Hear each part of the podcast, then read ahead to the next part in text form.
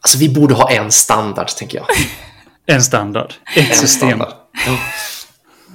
Vi behöver en plattform där- dit användaren kan gå och göra allt. Exakt. Precis. Fy fan. Men så Safe uppfanns. Nej, nu ska vi inte basha på Safe här. Eh, Det har vi gjort tillräckligt. Ursäkta för ni som älskar Safe. Jag gör också det. Eh, ja.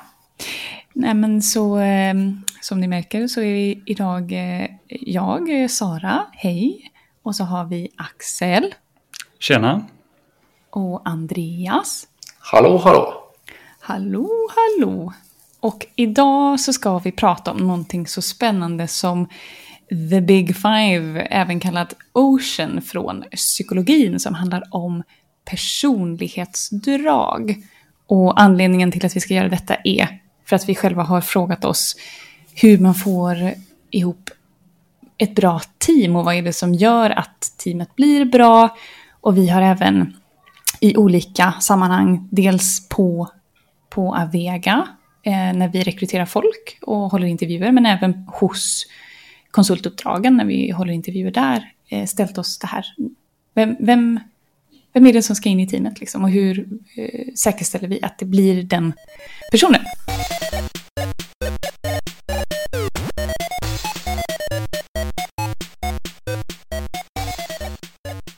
Jag tänkte att jag skulle kanske dra en kort förklaring kring vad The Big Five är, varför, eh, varför vi har valt det till detta avsnittet, till skillnad från andra personlighets, eh, vad ska man säga, teorier.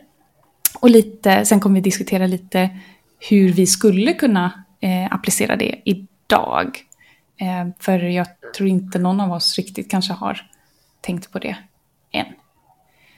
Ehm, och ja, ehm, The Big Five kommer ifrån ehm, fors forskningen, som man brukar säga. Eller snarare psykolog psykologin, psykologin, forskning. Ja. Och det är då fem olika personlighetsdrag. Det finns en akronym som heter OCEAN för att komma ihåg alla dessa. Så det står för openness, conscientiousness, extroversion, agreeableness och neuroticism. Och det är ju en, eh, en mouthful allt det där. Um, och jag tänker, ska jag gå in på vardera och förklara mer eller ska vi ta, vill ni säga vad, vad ni har för eh, uppfattning än så länge? Ni har ju läst någon, eller Ja, men kör, lite, kör lite kort Sara, vad, vad alla betyder så lyssnarna har lite koll på vad de... Openness står, det, man kan se alla de här eh, traitsen som en, en skala där man kan ha antingen jättelite eller jättemycket och allt däremellan. Och openness står ju då för hur öppen man är för, för nya saker egentligen, alltså nya erfarenheter. Så man kan nästan se det som att men någon som är väldigt öppen är kanske en person som älskar att resa och som vill bara djupdyka in i nya kulturer. Medan någon som är låg i openness kanske är mer traditionell och håller väldigt mycket på men kanske hur man firar jul och att man måste fira jul på just det sättet. Sen så har vi conscientiousness som är ett ord som jag inte kunde på engelska innan. och det står, eh, på svenska är det samvetsgrann. Och det handlar mer om hur, hur mycket ditt samvete styr vad det är du gör. Och det kan yttra sig så som att du kanske planerar väldigt mycket vad du ska göra, du håller tider eller tycker att det är, ja, är en tidspessimist eh, eh på det sättet. Liksom. Och andra sidan av det myntet är ju att du kanske är mer spontan och att du ja, men tar livet lite mer med en klackspark och ser vad, vad som händer. Sen så har vi extroversion och det är ju då, eh, om du är lågt på det så är du ju snarare introvert och hämtar det som de definierar det som är hur du hämtar energi. Så om du hämtar energi genom att vara ensam eller om du är jätteextrovert så samlar du ju energi till dig själv genom att kanske vara på en fest eller ja, vara med andra människor helt enkelt. Sen så har vi agreeableness som då är hur mycket du som person har behov av att bli omtyckt av andra. Och det tycker jag är väldigt intressant för det eh, spelar ju då roll för konflikter exempelvis, om du känner att du våga säga det du tycker och ändå bli omtyckt av andra och sådär. Och på andra spektrumet av agreeableness är ju disagreeableness där man inte kanske är rädd för konflikter eller inte ens kanske bryr sig om hur man säger saker för det är inte så viktigt för dig att folk tycker om dig. Och sen sist men inte minst så har vi neuroticism som låter ju fruktansvärt eh, jobbigt eh, att ha. Men det, det är inte så farligt egentligen. Men det handlar mer om hur, hur hög propensitet du har för att ha negativa känslor. Att eh, du har self-doubt eller att du ja, men, tror kanske att folk inte tycker om dig. Och de som har högt i neuroticism är ju också eh, ofta benägna att ha eh, ganska mycket emotioner, både högt och lågt. Och att det inte bara är liksom att ja, men jag är lite ledsen nu och lite glad sen, utan det är mycket åt, åt båda hållen. Medan ja, eh, motsatsen då blir ju att man är ganska stabil emotionellt eh, och inte kanske eh, är så självkritisk. Sen så har det även nu på senare år eh, tydligen hittats en ny eh, egenskap som håller på att föras in i det här ramverket som heter, eh, och vad heter den? Eh, Honesty Humility Trait. Som handlar om ja, men, eh, hur ödmjuk du är egentligen inför nya, eh, ny information. Om du kan ta till dig det eller om du står fast vid det du tyckte sedan innan oavsett vad det är för eh, nya argument som kommer in. Så eh, ni har ju eh, ändå kollat lite på det här. Vad har, ni, eh, har ni upptäckt någonting nytt som ni inte visste sedan innan? Eller har ni fått ett ramverk som... Eller här, vad är era tankar hittills? Nytt för mig, också väldigt spännande. Mm. Vi pratade lite om det här innan mötet här att uh, jag, när man gör undersökningar till exempel, hur, liksom, hur, hur man trivs i teamet. Anonymt så brukar jag alltid, jag brukar alltid svara att jag trivs jättebra även om jag inte gör det. Bara för att jag är rädd för att uh, jag kanske blir påkommen eller att uh, de bitarna. Och det går väl in lite i en av de här då. Mm. Uh, så att, ja. Nej, men för mig har det varit mycket intressant att kika på de här. Mm. Mm. Och Andreas? Ja, jag, tycker det, jag tycker det är intressant. Jag, jag menar, vi, de flesta har ju jag vet inte om, nu gjorde jag en fördom här, men de flesta vet väl i alla fall om vad en diskanalys är. Mm. Och vi har pratat lite förut, Sara, om 16 personalities och de här mm. typerna av testerna och sådär. Men vi har ju pratat mycket om att de, som jag förstår så fokuserar de på lite andra saker och har ingen vetenskap bakom sig, utan det är mer ja, antaganden man gör mm. om, om personligheter än att det finns, mm. faktiskt finns vetenskapliga fakta som, som bygger upp på och eh, testen baseras på. Men det verkar ju då Ocean vara i det här fallet. ja, eh, det är ju det som de allra flesta använder när de analyserar personligheter inom forskning. Sen så är ju mm. till exempel 16 personalities tror jag är baserat på ett annat personlighetstest som heter Meyer-Briggs. Så det finns ju hur många som helst, höll jag på att säga. Och den i sin tur tror jag är influerad, säger man så på svenska? Eh, influenced mm. by ehm, eh, the big five. Men det som ofta blir eh, knepigt med de här personlighetstesterna är att de blir så himla snäva. För att alltså all, varje variabel i den här ocean är ju på en skala.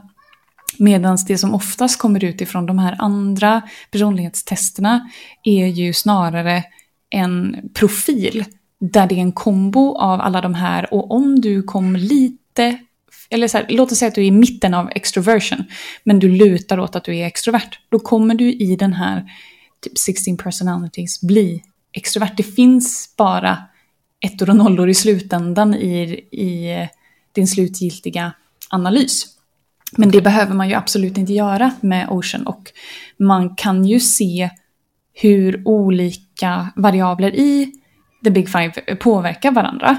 Men det är inget det finns inget specifikt ramverk som säger att bara för att du har högt i, i det ena och lågt i det andra så är du den här typen av person. Så um, det är väl det som jag eh, lockas av med den här um, modellen och att det blir enklare för mig att tänka kring eh, ja, men, de separata variablerna snarare. Och hur en individ kan påverkas olika i olika eh, scenarion. Liksom. Och vad jag som, som eh, person behöver ta hänsyn till om jag handskas med någon som är neurotisk eller med någon som är introvert. Snarare än hela, åh du är en ENFJ, så därför måste jag... Ja, det blir enklare att komma ihåg eh, bitarna liksom. Hur klassificeras man då utifrån för, jag sitter och tänker på diskanalysen. Mm. Den kan ju också ge viktningar åt, åt varje axel, Y och mm. X-axel. Ja, den gör det ändå. Det enda och, tråkiga med disk är ju att det bara är, det är bara två variabler, va? Det är fy, fyra kvadranter. Det är ju ganska mm. tråkigt. Det, ja. det blir inte så nyanserat. Då är ju 16 personalities bättre. Då är det ändå fyra variabler. Ja. Ja, jag bara tänker om man, om man översätter Ocean-bokstäverna mm. i, i färger som i disk så enligt mig så är det nästan en mappning där. Alltså, hur tänker du? Uh, ja, du ska se om jag kommer ihåg färgerna rätt då. Ja, men gult skulle ju vara extrovert då, i Ocean. Mm. Eh, men å andra sidan kan gult också, eller rött kan ju också vara extrovert i, i disken då, i, i, i Ocean. Eh, nu ska man ha haft den här Ocean framför sig så man kommer ihåg alla. Eh, mm. agreeable till exempel, som, som Axel sa. Mm. Där har vi, nu, nu kanske jag förväxlar färgerna för man har blivit färgad av omgiven av idioter. Det är mycket färger här och ja, ja, ja, kombinationer. Fan. Men är det i disk, är det blå eller grön som är det analytiska? Kommer inte ihåg. Jag, jag tror, tror det är grön. grön. Ja. Mm. Grön, ja precis. Då är det, exakt. Så i disken så är det den blåa som är att man vill vara väldigt agreeable då, som Axel sa. Man vill vara vän med alla, man vill inte steppa dem på tårna, man, vill inte eller man är inte så bra på att hantera konflikt. Mm. Alla i ett rum ska vara vänner i slutet av dagen. Um, så många av de här tycker jag ändå faller in på... Jag menar, utfallet Absolut. kanske blir lite annorlunda, men jag tycker ändå att det blir på något sätt en en-till-en-mappning ändå. Jag, jag, förstår vad du säger. Håller inte med om att det är en en-till-en-mappning för att jag mm. tycker att Ocean är mycket mer nyanserat. Men absolut, alltså de mäter ju... I disk så är det ju extroversion är ju en av variablerna. Mm. Och sen kommer jag inte ihåg vad den andra variabeln är, om det är någonting som liknar agreeableness. Jag tror att det är controlling som är den andra, va? Hur kontrollerande du vill vara av din miljö eller av det du... Ja. Disk står ju för någonting. Dominating, da da da. I står för... Och så sen C för controlling tror jag. Jag kommer inte ihåg exakt vad akronymen står för. Mm. Men absolut att de har eh, saker som överlappar. Men det som jag kanske tycker, eller min kritik mot disk är ju att man placerar, alltså bara för att du hamnar lite över på, alltså lite över mitten på en, så hamnar du i ett fack liksom. Och det kanske är så att jag har kollat på, på fel eh, source, eller en, alltså för det finns antagligen massa olika verktyg som baserar sig på disk eller på eh, 16 personalities eller Meyer-Briggs liksom, som har lite olika nyanser och som faktiskt tar, tar eh, eh, i beaktning att man kan eh, vara lite mer på en skala snarare än på eller av. Mm. Har ni använt er av någon typ av personlighetstest tidigare vid intervjusyfte eller på, på något annat sätt i ert arbetsliv? Inte intervjuer jag har hållit. Det har jag aldrig använt mig. Jag sitter ju mest ja, ute hos kund så är det ju alltid tekniska intervjuer man sitter i. Och då är det inget, inget sånt. Och jag har inte suttit på kunder som har testat det i och för sig på utvecklarnivå. Det skulle jag inte mm. säga att jag har. Uh, jag har fått uh, jag har fått göra ett. Både ett Oj. IQ-test och ett, eh, ett enklare test som jag, nu var det länge sedan, kanske fem, sex år sedan. Mm. Eh, där jag inte fick reda på resultatet. Eh, så att det, det var lite taskigt tycker jag. Så att, Ja, jag håller med om. Det är klart man vill veta svaret. Men var Ja, det så ja, här ett formulär du behövde fylla i då? Jag fick en länk. Så skulle jag fylla i massa, massa Jag tycker frågor. det är så lustigt det där liksom att eh, eh, man ska bedöma en personlighet genom att inte vara personlig. Inte Ja, det verkligen. väldigt lustigt? Eh, Jag har inte heller behövt göra något personlighetstest eller så. Men jag tänker att ofta när man håller intervju så har man ju någon form av, här, man vill ha, få en magkänsla över vad den här personen är för någon. Och det tycker jag alltid är så svårt för jag brukar alltid säga att jag har ingen magkänsla. Eh, men jag tror att det mer handlar om eh, att, eller det som jag har försökt definiera magkänsla som är, eh, har, ni, har ni läst någonting eh, om Thinking Fast and Slow? Den är med på boklistan så att säga. Ja. Jag har inte läst tyvärr. Han, han pratar i alla fall om system 1 och system 2. Eh, och jag kommer aldrig ihåg vilket system som är vilket. Men det ena systemet är det automatiska systemet. Det som gör att du inte behöver ägna all din tid och energi åt att välja saker. Eh, och det är superbra det här automatiska systemet. Men det kan också göra fel såklart. Medan det andra systemet eh, det är det mer eftertänksamma. Där du faktiskt behöver tänka efter innan du gör saker. Och jag, det som, eh, eh, vad heter han? Jag vill säga att han heter Kahneman, han som har skrivit boken. Högst oklart. Men eh, han pratar i alla fall om att ju mer du är i systemet där du behöver tänka, desto bättre blir ditt automatiska system. Så det föder liksom in i det där. Så om man då har, alltså låt oss säga att man har gjort väldigt många intervjuer, så får man ju en känsla för vem, vilken person det är man letar efter och därför lättare kan ta beslut. Men om man inte har någonting att grunda den känslan, eller om man har något att grunda den på från början så kanske det är lättare att skapa den här magkänslan. Eh, det är en teori som jag har. Och sen eh, har jag, jag tycker ju att det här med, alltså det är ju intressant att ha ramverk och applicera på världen och försöka förstå sig på varann och sig själv framför allt. Eh, och du var inne på det lite förut Axel, att ah, men, eh, jag kanske var, är väldigt agreeable i de här situationerna där, där du inte vågade kanske uttrycka exakt, även om det är anonymt, eh, vad det är du tycker och känner. Var det något annat som ni reflekterade över eh, i den här, alltså den, gällande er egen personlighet?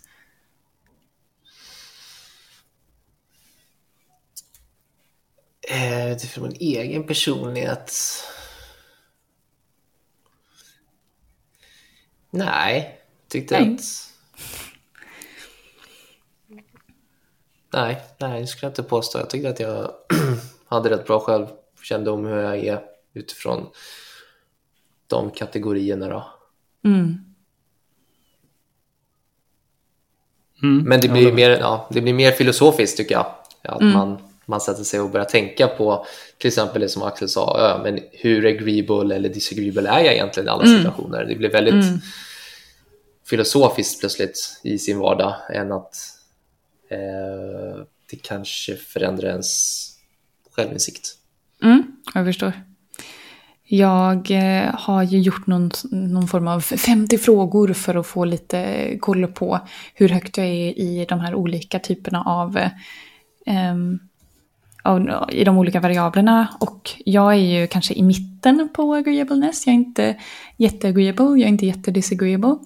Eh, men min sambo däremot, han är väldigt disagreeable. Och det kan ju uppstå väldigt eh, intrikata problem när man är olika. Och jag tycker ändå det är intressant att få liksom en bild av hur det faktiskt ser ut i verkligheten med de här olika typerna av eh, egenskaper och hur det kan eh, skapa konflikt exempelvis och hur man kan hantera det. Så jag tänkte se om, eh, när ni läste om de här olika eh, variablerna, eller vad man nu ska kalla dem, om ni såg så här, bara, åh, men det här kanske man skulle kunna fråga under en intervju, eller liksom, känns det som ett verktyg. För jag känner ju kanske inte att jag vill skicka ut ett formulär och, och be någon svara vilken person de är. Utan snarare kanske använda det som ett eh, medel för mig att se, okej okay, men om jag exempelvis tycker att det är viktigt med openness eh, hos en utvecklare, vilket jag tycker är jätteviktigt, eh, just för att man ska kunna vara nytänkande och att man tycker att, ja, att det är intressant med abstrakt tänkande. Jag har träffat väldigt få utvecklare faktiskt som inte har högt i openness eh, baserat på min egen eh, analys då. Men just att man kan form, kanske kan formulera frågor som visar på att de, där de kan visa att de har varit open tidigare i sitt liv. Mm. Mm. Um. Du och jag Andreas, vi har ju vi har ju, vi har ju hållit uh, lite intervjuer via Vega. Mm. Och uh, lite som du berättade här Sara så kan jag tycka också att det är väldigt viktigt med openness. Och det är någonting som vi fiskar lite efter kan jag tycka. Att man inte är, att man är, för att lite livet som konsult kräver ju att du på något sätt uh, vågar ta dig an nya utmaningar och kanske, och kanske att uh, man inte liksom är så insluten i sig själv på något sätt. Så, så för, för, för, oss är det väldigt viktigt. Så att vi, det är ju en del som vi kanske fiskar lite efter. I alla mm. fall i en, i en, i en icke-teknisk intervju, så alltså kanske en första intervju, då kanske det är någonting som vi, som vi gärna kollar efter. I och med att det är en del av konsultrollen. Så mm. den, den tycker jag att vi, utan att jag kände till detta innan, så tycker jag att vi jobbar ganska mycket efter att, mm. att, att, att locka de personerna som, som har högt i openness. Absolut, och det, jag tror att man tänker på många av de här sakerna trots att man inte har fra, eh, ramverket eh, till hands. Liksom, men att man kanske kan få nya perspektiv av att veta om att det finns och se, se vissa saker. En, eh, en sak som jag inte tänkt så himla mycket på när det kommer till personligheter innan är ju just det här med neuroticism. Och eh, insåg att jag själv har jättehögt i neuroticism. och att eh, jag fick väl lite av en förklaring till att aha, det är inte bara jag som är konstig. och också att, ehm, att kunna ha en miljö där jag kan vara öppen med att ja, men jag har ångest och att jag tycker att det är jättejobbigt eh, med vissa saker. Liksom, och att att andra kanske är sådana också och leta efter det kanske under en intervju för att veta hur, hur man ska behandla den typen av personer. Um, mm. Tycker mm. jag är intressant. Um, ja, men jag tycker det är intressant, som Axel var inne på, utan att ställa de, de självklara frågorna så ställer man mm. indirekta frågor som besvarar de frågorna. Och då jag så tänkte mm. lite på de intervjuerna jag och Axel har befunnit oss i tillsammans och vi, vi brukar forma frågor mycket kring vardagssituationer i ett team. Mm. Till exempel, ah ja, men om det, uppstår en, om det uppstår en konflikt i ett team, vem, vem är du i konflikten? Hur, hur hanterar du konflikten och vad passar dig och vad passar inte i konfliktarbetet i teamet? Mm. Det skulle ju på ett sätt kunna gå in i i några av Oceans. Då. Samma sak, hur, hur ger du feedback? Hur vill du ta feedback? Mm.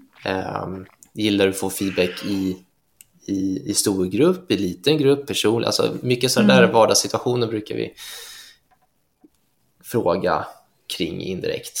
Um, som skulle kunna mappa in i, mm. i de frågorna såklart.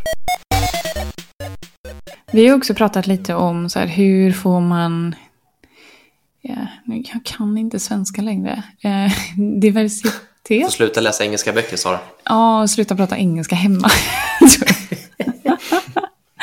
Men eh, vad heter det på svenska? Eh, diversity. Nu fick jag hjärnsläpp. Eh, ja, jag tror att eh, alla förstår vad jag menar. Men jag tänker att man gärna vill ha i ett team eh, diversity of thought. Att man har olika tankar så att man kan lyfta, och även ha en kultur då av att eh, man ska kunna säga det man känner för att få ett så bra eh, eh, vad ska man säga, eh, resultat som möjligt. Mm. Och samtidigt så vill man ju också ha vissa värdegrunder som alla håller med om så att man har en kärna där man är eh, lika men att man också är olika. Och det måste ju vara det svåraste som finns i en rekryteringssituation när man ska rekrytera till sitt eget team. Att, Ja.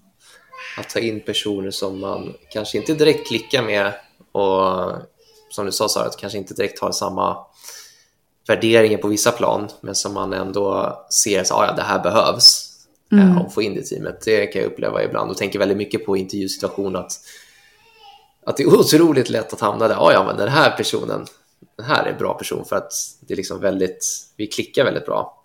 Men mm. eh, det är kanske inte det teamet behöver just mm. här och nu. Utan det är den här personligheten som, som behöver komma in och kanske tycka lite annorlunda än att mm. det sitter tio, tio personer och, och är exakt likadana. Mm. Vi hade en uh, kul retro en gång.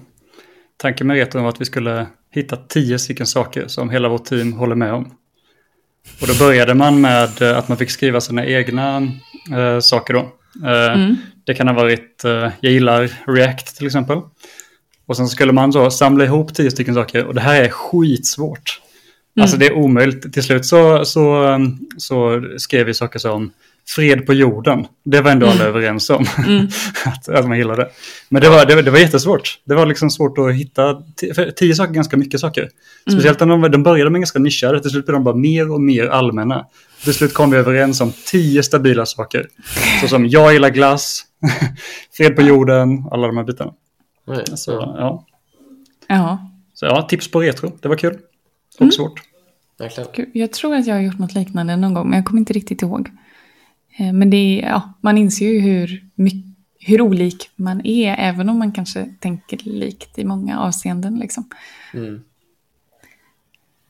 Ehm, hur, eh, hur tänker ni, eller har ni fått någon idé om hur ni skulle kunna använda det här omverket i framtiden? Eller känns det så bara nej, det får nog marinera lite innan?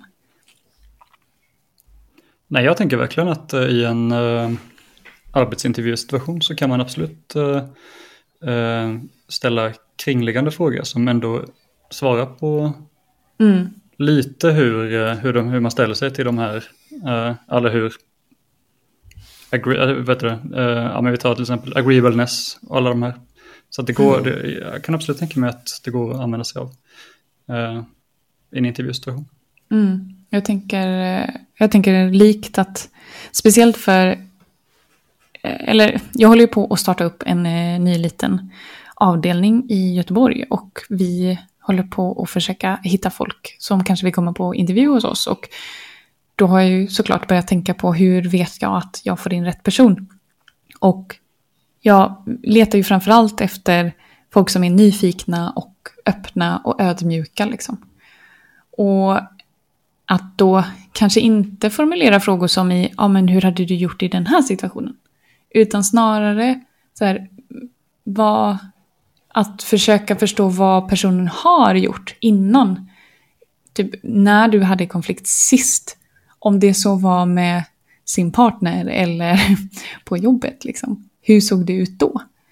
Vad hände och vad, hur löste ni det om ni löste det? Det tänker jag att man får, då får man ju faktiskt veta vad personen gjorde. Och så får man se, så kan man lägga den här linsen av eh, Ocean eller Big Five eller vad vi nu än, jag känner att jag byter hela tiden, jag kan säga Ocean, det är lättare. Um, och kanske få ut vad det är som Alltså att det, att det blir ett sätt att analysera personen som kommer in och se, kommer den passa med openness och, uh, openness och conscientiousness som är de två viktigaste aspekterna för mig. Och så kan man kanske vara mer um, flytande, eller vad man ska säga, med de tre andra personlighetsdragen. Så att man ändå får lite olika typer av personer, så att det inte är precis samma hela tiden. I och för sig, alla är väl olika oavsett, men... mm. Mm. Vi har faktiskt inte ens nämnt den, eller det vi själva använder på Vega. Det är ingen av oss tre som har, som har eh, använt den för att det kom in efter vi anställdes, men det är Harrison Assessment. Som Oj. är också Vad är det? Eh, ett självbeskattningsformulär för, från en kille som heter Dan Harrison som har drivit personlighetsutveckling för rekrytering sedan 90-talet. Oh. Um, så det hade vi, skulle vi tagit med såklart, kommer jag på nu. Men Jaha. eftersom ingen av oss tre har gjort det så blir det lite svårt att, att lägga värdering i det också. Ja. Eh, Men det finns ju, som sagt, det finns ju hur många som helst verkligen. mm. Ehm, Det jag tänker, alltså om vi utgår från den rekryteringen vi gör, nu, nu har ju vi suttit lite blandade kom på att vi har ju dels rekryterat teknisk kompetens, Mm. alltså bara teknisk screening egentligen och mjuka värden, det är ju det vi är inne på. och sen så, jag vet inte om ni har suttit med i lite rekrytering innan också, liksom, att, att snacka bolag och hitta liksom rätt personlighet för att, att mappa in mot, i det här fallet då Vega till exempel. Eh, för det har jag suttit med i också. Då ställer man ju ännu mer sådana mjukare frågor, Mm. eh, personlighets, personlighetsfrågor. Eh, men frågan som du ställde Sara var då, hur skulle vi kunna använda det här i, i vår, vår värld när vi rekryterar? Och jag vet inte, jag, i en intervjusituation så gillar jag ändå att ha de här mer indirekta frågorna som absolut, kan Absolut. mappa in mot de här pelarna på något snyggt sätt. Det, Mm. det är jag helt, helt för. Ehm, jag vet inte um, om jag skulle... Det är klart att man skulle få träning i det, hur man skulle tolka ett resultat om man skulle skicka ut en enkät på... Jag vet inte hur många frågor det är, Sara? Är det eh, I eh, vilken enkät tänker du? i Ocean? Ah, det, det är ju olika beroende på vem du kontaktar, höll jag på att säga. För det är ju, det är ju bara ett ramverk och så sen så är det ju folk som har implementerat detta i olika typer av personlighetsanalys. Ah, ja, Så jag tror att det jag gjorde var det typ 50 frågor. Men det är ju samtidigt Okej. så här, vad... Man kan ju lika väl inspireras av sådana frågor. Till exempel, Mm. eh, vem är du när du går på fest? Är du eh, i Exakt. mitten, eller vad, vad heter det, centrum? Eller är du den som kanske helst stannar hemma Mm. och tittar på film? För det, alltså, jag, det jag tyckte var rätt intressant om, om vi jämför Disk och Ocean ramverken i det här fallet då, när jag läste på lite om det tyckte jag var väldigt intressant att såklart man ger ju alltid alla ramverk är bra på vissa saker och lite sämre på vissa saker och man ger kritik åt, åt båda hållen. Och Disk har ju vi ju redan benämnt kritiken på att det mäter för lite saker Ja. egentligen. Man, man hamnar på, på en våg på antingen ena sidan eller andra sidan. Medan eh, Ocean då så har, man, har de fått kritiken av att ah, ja, men nu finns, har det ju, nu finns det ju på massa vågar egentligen. Mm. Ehm, och hur ska man då lägga in värderingen i tolkningen Mm. av de här vågorna? Då diskanalysen är mycket lättare att tolka, men man tappar då mycket Yes. värden. Medan Ja. Ocean är att ah, ja, nu, nu får du jättemycket resultat, men okej, men hur tolkar vi det här egentligen? Mm. Eh, Och just att de kan påverka varandra. Ja. Ja, så, men hur, drar, hur korrelerar de här sakerna? Vad är det vi söker egentligen? Okej, men är du, är du på den här stapeln lite här? Ja, men då är du med. Eller, där tänker jag att disken kanske är enklare i rekryteringssammanhang än Ocean, medan Ocean rent personlighetsmässigt, alltså personlighetstestmässigt, är nog starkare.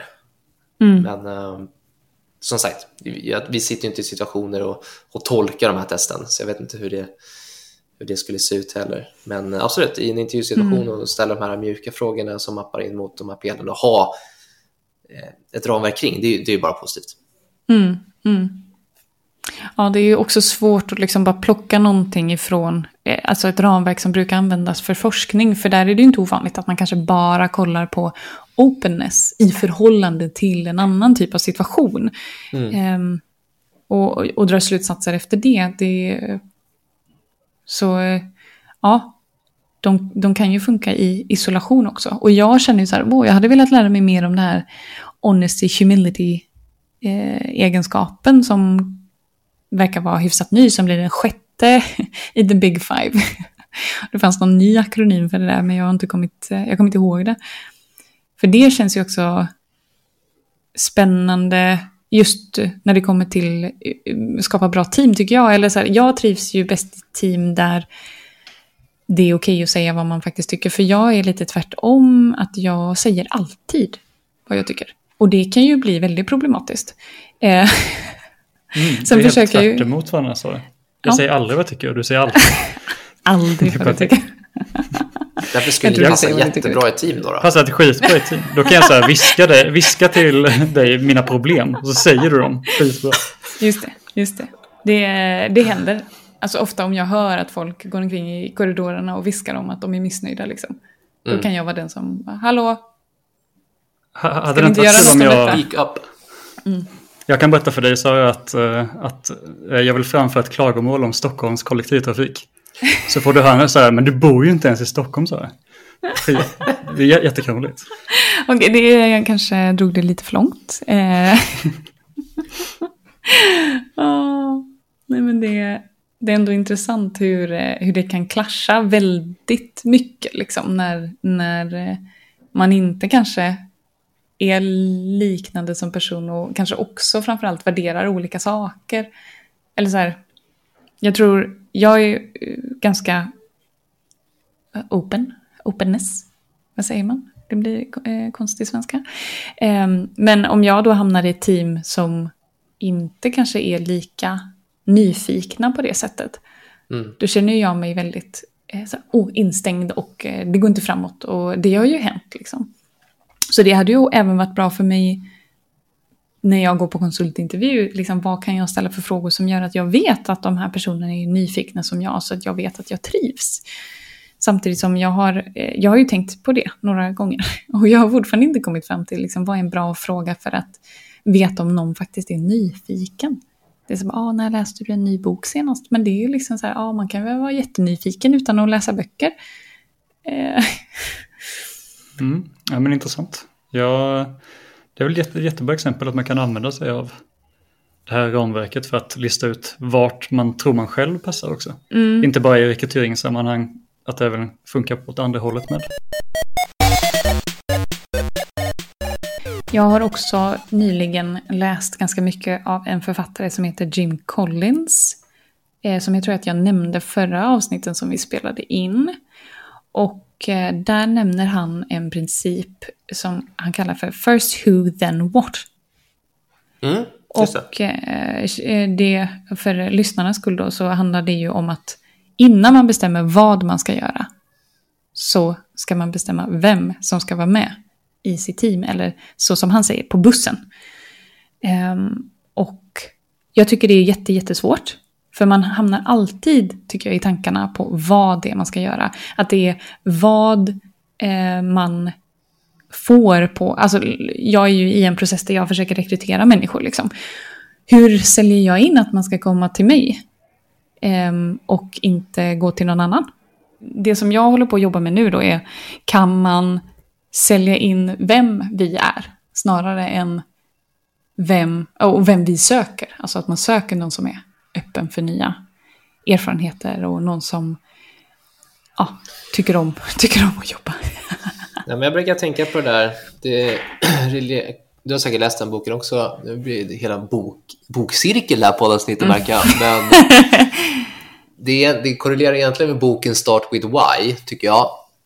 Mm. Ehm, och där how, så egentligen why, how, what då. Så how är ju egentligen who i det här fallet då.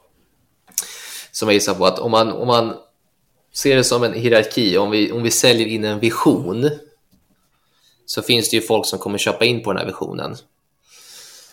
Och det är egentligen de personerna som man vill ha ja, i, i det här fallet då, who, then what. Om man får in personer som köper in på visionen eh, där, därefter blir det lättare att, att ta reda på, okej, vad ska vi göra? Mm.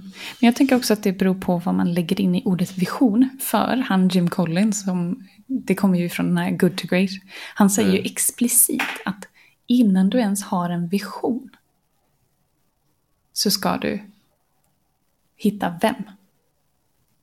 Och, men jag tror att det beror jättemycket på hur man definierar ordet vision. Han Mm, definierar det som att eh, det är det du tror att du...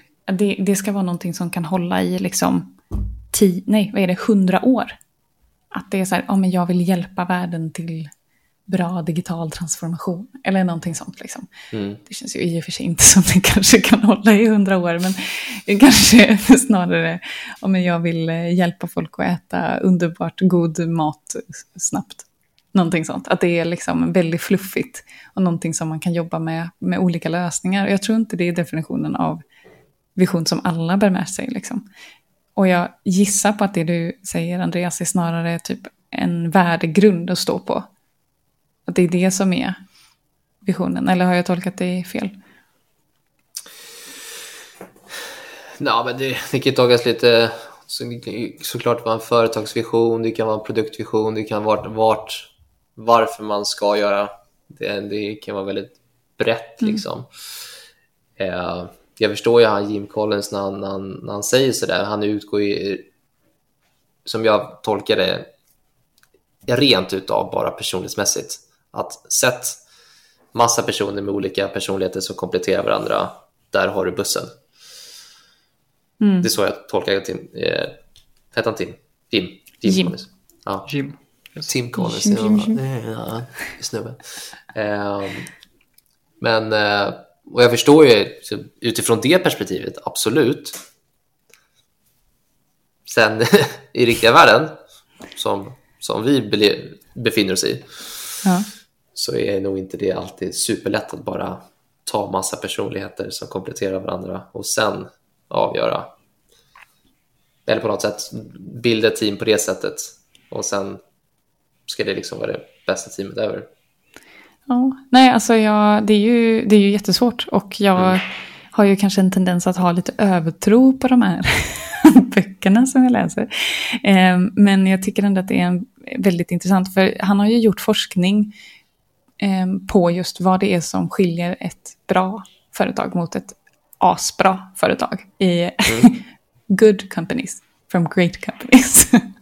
Bra översättning. Och det han såg då var ju just att eh, de riktigt bra företagen, de fokuserar på vem och att det är rätt personer och inte bara personer. Och att det kan man ju göra, tror jag. Jag tror man kan göra det. Att man, man samlar på sig personer som ja, men är till exempel conscientious, som tycker att det är väldigt viktigt att göra rätt för sig. Och eh, det är ju den typen av, jag tror nästan alla arbetsgivare vill ha den typen av person som faktiskt är självmotiverade. Snarare än Absolut. någon som du behöver betala för att göra ett jobb. Att det Oh är ja. en passion liksom. Och om man hittar jättemånga passionerade personer och som kanske också då är nyfikna som man behöver vara som konsult. Kan man då skapa ett riktigt bra Eh, en konsultavdelning nu då. Och det är väl någonting som jag eh, kämpar med nu också att ja, men, om man verkligen ska göra det här från grunden så borde man kanske inte anta att den ska vara konsulter. För det, det är ju en constraint på vad man ska göra. Men eh, det är ju, som du säger Andreas, att vi lever ju, vi lever ju i en riktig värld också eh, jag vet inte, ibland men lever jag, alltså, väldigt håller mycket jag håller med dig Sara. Liksom att det, är, det är väl klart att det är personen som ska göra jobbet. Har man rätt personer så, så kommer jobbet bli gjort. I alla fall, det kommer underlättas att jobbet blir gjort. Mm. Eh, Jag tycker det framförallt var intressant det du sa att man vill inte man vill inte betala folk för att de ska vara självmotiverade och vara delaktiga. Nej. Det Då är de ju inte absolut- självmotiverade. Nej, nej, nej, nej, nej. Så det, Och det är ju den absolut största utmaningen tycker man när man har när man bygger team. Så här, hur får man folk, eller hur får vi folk att, att vara delaktiga? Att se, att ha den här självmotiveringen till att dels att, att bygga teamet tillsammans, men också sig själv på, eh, på resan. Och det, det brukar jag tänka på att ah, ja, men då kanske man inte har den här visionen klar i teamet. Varför vi gör som vi gör. Eh, och att då kommer de bitarna in också i teambyggandet. Att ah, ja, vi har rätt personer, men vi kanske inte har en, en klar vision varför vi gör som vi gör. Men det kan varför också är vara... vi tillsammans liksom? Exakt, varför, Varför är vi tillsammans? Varför är vi Ja. ett team? Ehm, är vi bara en grupp som ses eller är vi faktiskt en grupp som, som kämpar och, och sliter tillsammans för något, något gemensamt? Ehm, Mm. Och när man kan sätta det absolut- själva så tänker jag att det är extra eh, motiverande liksom. Mm. Att man, och det är väl det som han säger också i, i den här Good to Great, att tillsammans sätt en vision och ett mål. Exakt. Så att alla är med på banan liksom, eller med på turen i bussen. Mm. För mig som, det här är väldigt nytt för mig, alla de här bitarna. Mm. I, de, I den riktiga världen så att säga, där det kanske inte går riktigt att få ihop ett sånt här team. Mm. Kan, kan man liksom, finns det någon möjlighet att öka kunskapen kring det här ämnet? Vilket gör att man får en större förståelse för hur personer reagerar och är det liksom ett alternativ till om inte det finns den här möjligheten riktigt? Mm. Att, um, för, för det är väl någonting som jag känner, ja för, det, för mig är det här helt nytt. Men mm. i och med att vi har snackat om det här i podden och att uh, jag har kollat upp lite innan vi hade möttes så känner jag att jag börjar tänka mer på detta. Mm. Jag kanske hittar en mer förståelse kring en person som kanske inte är som jag i vissa frågor. Som kanske är lite som du sa, du kanske säger vad du tycker, jag kanske inte gör detta. Mm. Och det här mm. också bidrar till någon slags typ av uh, sammanhängande gemenskap. Den här just kunskapen kring att det finns olika personer och de beter sig olika och att det är okej. Okay. Mm. Så som jag förstår det att ingen av de här uh, fem stycken Ocean-punkterna, ingen av dem, det är inte dåligt att liksom luta till någon sida. Nej, Utan absolut, de, det glömde jag säga. De betyder ju mer liksom att man har kanske ett annat typ av behov. Eh, och, och, och när man ökar liksom eh, förståelsen kring detta så kanske detta ökar en mer teamgemenskap också. Mm, mm. Absolut. Jag tycker det är någonting jag faktiskt har tänkt på innan och som jag tycker är svårt. För oftast så blir det ju så här när, när man har ett team som kanske är lite dysfunktionellt att man vill göra en insats. Och så ska man gå på workshop. Och så ska man ha roligt tillsammans. Ja. Och så blir det bara krystat liksom.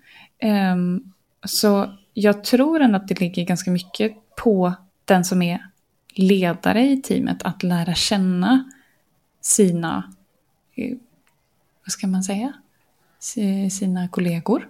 Mm. Och det behöver inte heller vara så att det är, ja men Scrum Master måste göra det, utan den den som ändå känner sig manad att göra det. Jag tror att det ligger väldigt mycket på att, att man har trygghet med de olika personerna och att det är någonting man gör över tid.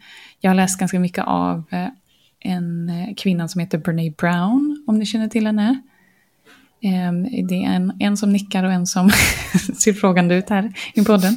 Ehm, eh, så Brene Brown har gjort jättemycket forskning kring just eh, vulnerability alltså sårbarhet och hur det relaterar, eh, eller hur det kan te sig i, i eh, vad heter det? Hos företag, i team. Och från början så var det ju att hon ville eradic eradicate it. Hon ville bli av med det, hon ville vara starkast i världen och sen så insåg hon att nej fan, sårbarhet är ju det som gör allting värt. Alltså det är det som skapar trygghet, det är det som skapar kärlek, det är det som skapar att man vågar ja, men lita på varandra. Mm. Och jag tror att det är ingenting eh, man gör på en workshop, liksom, utan det är någonting som man behöver, precis som i ett förhållande, alltså en kärleksrelation, så behöver man ju jobba på det hela tiden. Och det gör man genom att liksom bara svara på de där små sakerna i vardagen. Att, eh, men att man hjälper sin kollega eller att man ber om hjälp, att man visar att man själv är sårbar. Och då Absolut. kan man också lära känna den här andra personen. Så då är det är kanske det som är nyckeln till bra intervjuer nu då, att vi har flera mikrointervjuer där vi får lära känna varandra och vara sårbara med varandra. Är det så vi ska göra? Just det. Vi ska liksom gå på fest med personen. det är liksom första intervjun. Ja. Är du extrovert eller vill, ska vi ha liksom en tv-kväll? Är det, är det det som är första observation. intervjun? Ska vi kolla på några avsnitt kanske? Netflix and chili, det är det du säger? Nej. Ja, det blir ett HR-ärende på det. Så. Ja, det är sant. jag tror det. Jag tror det. Jag tror inte det är så passande, men det var en kul idé. Mm. Inga idéer är eh, dåliga. Eller något. Det är bra att du vågar säga vad du tycker, Axel. Mm, jag vet. Det är min grej. Det är min jag, brukar tänka, jag brukar tänka så när jag kommer i ett nytt team att den första tiden, det är alltid intressant tid i ett nytt team. Mm. Teamet ska formas om på nytt. Man ska dels hitta sin, sin plats och vad man själv värdesätter i teamet och dels andra teammedlemmarnas kommunikation, hur de gillar att kommunicera, hur de vill och eh, vill ta feedback men också vill ge feedback. Den tiden mm. är väldigt spännande tycker jag. Men jag tycker, och det, det är bra för en själv för att bilda liksom sin egen uppfattning och sen så växer man in i teamet naturligt. Um, men jag tycker även, vi hade det på vårt uppdrag för en vecka sedan faktiskt, hade vi en sån här gruppövning på, på en teamdag. Så hade mm. vi, tog vi upp lite, dels lite gruppteori, gruppdynamik. Vad är det som mm. gör ett team starkt? Vad är det som, um, hur ett team traverserar sig igenom um, olika faser när ett team bildas. Uh, och teamet drivs ju ner varje gång det kommer in en ny teammedlem till exempel. Mm. Uh, och alla ska hitta sina nya platser igen. Um, så jag tycker och här tycker jag oftast att, att verkligheten inte stämmer överens med ens egen världsbild. Eh, för när man gör de här konkreta teamövningarna så får man reda på otroligt mycket mer, tycker jag, mm. än den, eh, den bilden man själv har skapat sig. För då oftast den bilden, nu säger man, men jag skapar mig, det är när jag sitter med personer själv. Och då får mm. jag en helt, en helt eh, annan bild av än när, när hela teamet är i grupp och svara, mm. får svara på dessa här frågor. Så den skillnaden tycker jag brukar vara väldigt, väldigt spännande. Till exempel om vi tar ämnet psykologisk, och, eh, psykologisk trygghet. Är, mm. den, är den stark eller är den svag i ett team? Den är väldigt, mm. väldigt intressant. Eh, och den, den frågan kan ju besvaras helt olika om du frågar perso en person direkt eller om du tar det i, i team. Till exempel mm. som Axel sa i början, jag svarar alltid högt på de här frågorna för jag vill inte ha en motfråga tillbaka. Ja, ja. Det är superbra Axel, men, eh, men det, det ställer ju till det lite för teamet. Och, och, samma sak blir det ju åt motsatt håll då. då att eh, det kanske är jättebra när man sitter själv med personen, men så är den psykologiska tryggheten väldigt, väldigt låg i, mm. i grupp. Mm. Eh, och hur, hur tar man sig an de här viktiga frågorna och, mm. och liksom diskutera elefanten i rummet på ett bra sätt där alla känner sig ändå se och hörda men inte stampa dem på fötterna. Det tycker jag är väldigt, väldigt intressant hur, man, hur mm. team rör sig genom teamresan som aldrig slutar. Mm, absolut. Det är ju också otroligt svårt att liksom just det du säger att eh, man kan ha en relation till någon i mm. teamet, men det blir annorlunda när man är alla i teamet. Ja. Och det har man ju varit med om, liksom att ja, men den där personen som tar all tid, som bara babblar, babblar, babblar och som inte lyssnar liksom. Ja, och det är ja, ingen som vågar säga till. Eller liksom att det är, mm. Det är någon som är jättetyst och man vill verkligen veta vad de säger, tycker och känner, liksom, men så vågar de inte av en eller annan anledning. Ja, precis.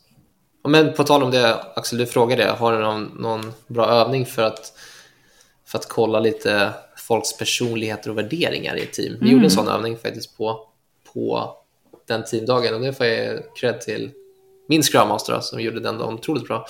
Då, den kommer säkert Sara känna igen. Då, då finns det något som heter value cards. Kanske inte? Nej. Och mm. den påminner lite som du sa Axel, att man, man får en, en kort, man får en eh, en kortlek som det står massa olika saker på. Eh, en sak per, per kort eh, som egentligen är topics. Det kan vara liksom passion, det kan vara respekt, det kan vara att man ska ha kul, alltså sådana värderingar egentligen. Så får man en kortlek och så sorterar man det i, i en hög, eller två högar. Det som är viktigt för en själv, det som är oviktigt. Mm. Tills du enbart har fem kort på handen. Och då tar man diskussionen i grupp vad, vad man själv värdesätter och får man reda på vad de andra teammedlemmarna värdesätter. Eh, det tyckte jag var, det ger mycket och det, det relaterar också till den här diskussionen att jag har ju bildat mig en uppfattning av, om personer, mm. hur de är. Men det är alltid intressant att se om den överensstämmer med de här värderingarna som personen har nu plötsligt på sin hand. Mm. Eh, så det var en, det var en väldigt bra grupp, gruppövning. Mm, nice. Vad kul att du kände att det gav så mycket. Mm, jag tycker det var, det var jättebra. Jag har gjort eh, liknande förut, det var, det var länge sedan. Men som jag sa den dagen, det är alltid bra att återbesöka grunderna i team, mm. teamarbete. Man glömmer bort det att ah, ja, nu har jag gjort det en gång, nu kan jag det. Så glömmer man ju att nej men nu är jag ju ny i det här teamet, jag kan ju inte alls liksom, Mm. teamkonstellationen eller teamet kan inte mig. Så det är alltid, det är alltid jättebra. Mm. Och jag tänker att det spelar roll också hur man känner inför det. Liksom. Om det är någon som tycker att det känns jätte, vad ska man säga, eh, jobbigt eller så här, åh men varför ska vi göra det här, varför kan vi inte bara gå och ta en öl tillsammans och köta lite liksom. Exakt. Eh, att det, det spelar roll. För jag kan också känna, känna igen mig i det du säger att, ja men hallå, jag tycker visst att det är kul, varför sa jag det där jag sa förut? Så- så det är ju, så länge inte teamet har en kultur av att, ja vad fjantigt det är. Så Mm. tycker jag ju ändå att det är, alltså för det blir ju det där att man lär känna varandra på djupet på ett sätt som man kanske inte gör till vardags. Absolut. Och jag tror Oh ja. till och med kanske att man kan... Jag har ju sett typ liknande sådana spel med kort. eh, Med frågor som man kan köpa som man kan liksom... Oj, eh, spela med sin partner liksom. Mm. Och även eh, ett, ett roligt sätt är ju att man, man har en fråga men så ska man svara vad den andra tänker. Eller vad man tror att den andra hade svarat. Ja, just det. Ja, just det, Eh, just det det. är ganska roligt sätt att lära känna varandra på också. Nu kommer de och hämtar dig Andreas. Ja. Vi, eh, när vi körde vår övning så var det hälften av vårt team var superintresserade av koreansk drama. Jag vet inte vad det säger om vårt team. Det är väldigt mångkulturellt kanske. verkligen, de älskar koreanska dramer. Så att, eh, ja. Kom det någon förklaring? Nu känner jag så här, jag vill veta varför det är så bra.